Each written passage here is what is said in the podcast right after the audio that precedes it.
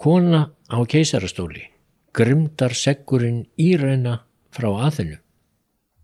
Þótt saga Rómaveldis ná í raun yfir 2000 ár, allt frá fyrsta uppgangi smáþorps við Tíberfljót til falls hins austurrómverska Bísansríkis árið 1453 og þrátt fyrir að um 160 menn bæru keisarnafn á þeim tíma, þá var aðeins ein kona þar á meðal sem ríkti sjálf í raun og veru. En hvernig reyndist hún? Þessi flækjusaga byrtist í stundinni 29. ágúst 2021.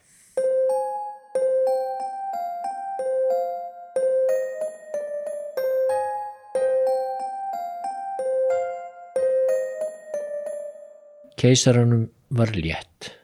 Í dýrunum á purpuraherberginu stóðu nú engin önnur en mamma og hún myndi bjargonum.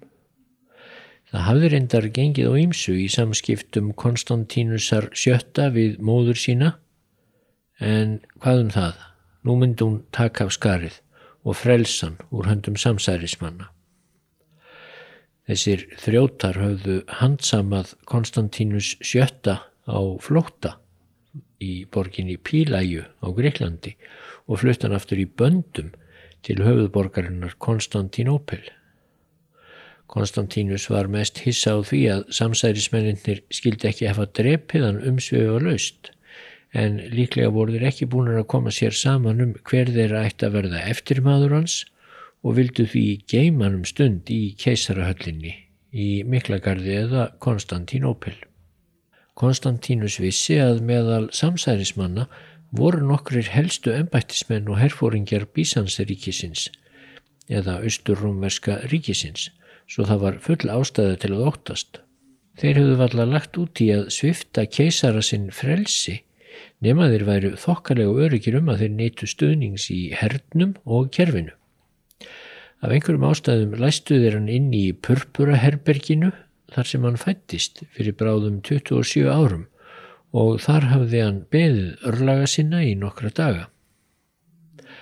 Vonir hans voru bundnar við mömmu því hann vissi að ímsir samsærismannana höfðu verið handgengnir henni þegar hún var ríkistjóri í bernsku hans sjálfs. En Konstantínus var bara fimm ára þegar hann var grindur til keisara að föður sínum látnum. Mamma hafði farið með stjórnina þar til hann varð myndugur og nú trist hann því að mamma myndi tukta menn til og skipaði að slepp honum umsvefa löst. Og sjá, þannig var mamma komin. Hún stóði í dyrum purpuraherbergi sinns og það gustaði af henni. Hún hafði skriðist gullkápu sinni og tilt lítilli demantskórunu á höfuðið og Konstantínus keisari gati ekki annað en hugsað eins og svo oft áður hvað kórónur færu móður hans alltaf vel. Þó var hún bara stelpa frá aðinu og alls ekki af neinum keisarlegum ættum þegar hún giftist Leo fjörða á sínum tíma og fætti svo Konstantínus sinn engasón einmitt í þessu herbergi keisarhallarinnar. Nú var mamma grimm á sveipin þegar hún stormaði inn í herbergið, leitvalla á Konstantínus sónsinn en kvesti augun á gæslumenn hans. Burt með ykkur, hvest hún, og Konstantínus rak upp gælt af fögnuði.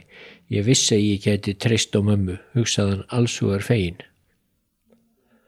En svo leit Írena, móður hans, loksins almennilega á sónsinn og þá fór hrollurum hann. Það var ekki mikil móðurást í því augnaráði. Nei, eiginlega bara þvert á móti.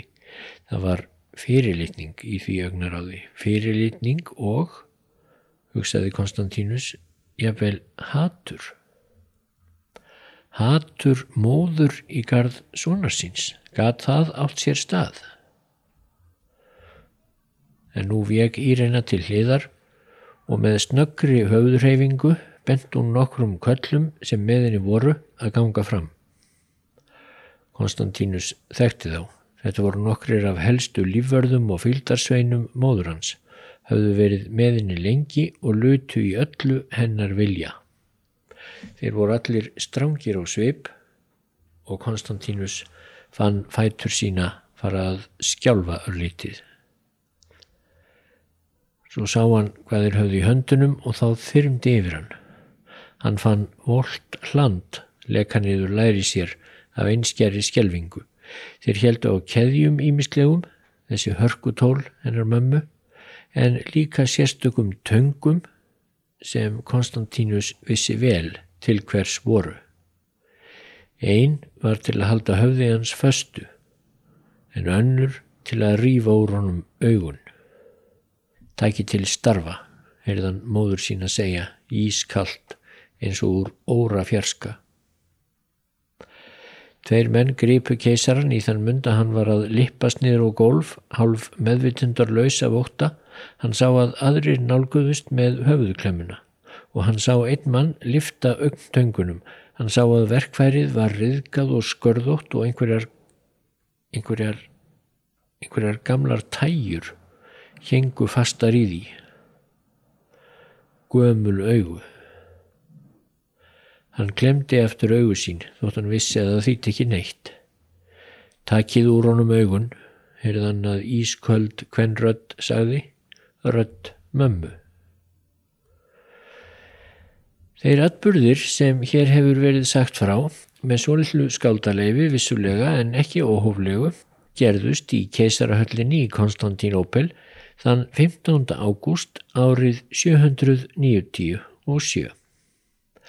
Bísansríkið sem á árunum 400 til 600 hafði verið öflugast stórvelda í heimi var nú klemt milli Arabaveldis íslömsku kalífana í miðausturlöndum og ördvaksandi ríkis hins kathólska Karlamagnúsar í Vestur-Európu en Bísans var samt heilmikið veldi en þá og nóg til af gulli og purpura. Hins og nefnda Ísáriu ætt hafði ríkt yfir Bísans síðan í byrjun 8. aldar og hún náði að halda í horfinu gegn áhlaupsmönnum muslima sem réð orðið Sýrlandi, þaðan sem Ísáriu ættin var endar upprunnin, en Ísárarnir komust ekki áleiðis inn í Littlu Asíu eða Tyrkland sem nú heitir. En um leið börðust Ísáriu kesararnir hart gegn því dálæti sem kristnir menn í ríkinu höfðu á helgimyndum sínum eða íkonum sem kallaðir voru.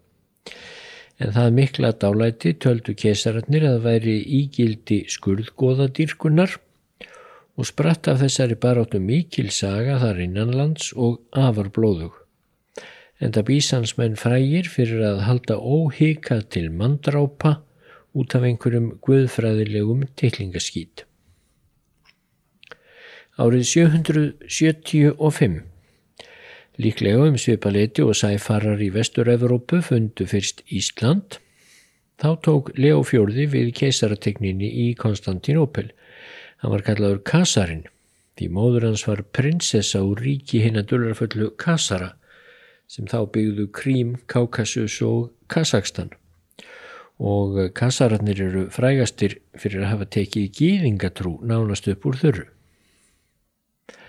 En sem því líður, Leo Kasari hugði á miklar herrferðir gegn Arupum og gekk ágæðlega fyrstakastið en eftir aðeins fimm ára á valdastóli fekk hann háan sótitta hún í Berklaveiki og dó við svo búið. Hann skildi eftir sig hinn fimm ára gamla Konstantínus VII og var hann grindur keisari en skildi lúta fór sjáuríkistjórn í rennu móður sinnar. Þar til hann yrði fullveðja. Írenna var sem fyrir kom fram frá aðinu og ekki gott að segja af hverju hún var valinn til keisarfrúar. Föðurbróður hennar var að vísa nokkuð áhrifamikil politíkus í Greiklandi en ættin þó ekki sérlega tegn ef svo má að orði komast. Sumir telja að Írena hafi verið fyrsta keisarafrúin sem valinn var með sérstakri konukeppni sem setna varð allsíða í Bísans og fólst í að efnilegum stúlkum var smalað saman í hóp eins og í fegurðarsamkeppni dögum og svo valdi krónprins ríkisins eina þeirra sér til hjónabands og undanheldis. Áður höfðu dómarar að vísulagt strangt mat á stúrkurnar, mælt hæð þeirra mittismál, fótstærð og annað sem mikilvægt mátti teljast í fari verðandi keisarhenju. Hvað sem því líður, þá var hjónaband Leós og Írenu nokkur róstusamt.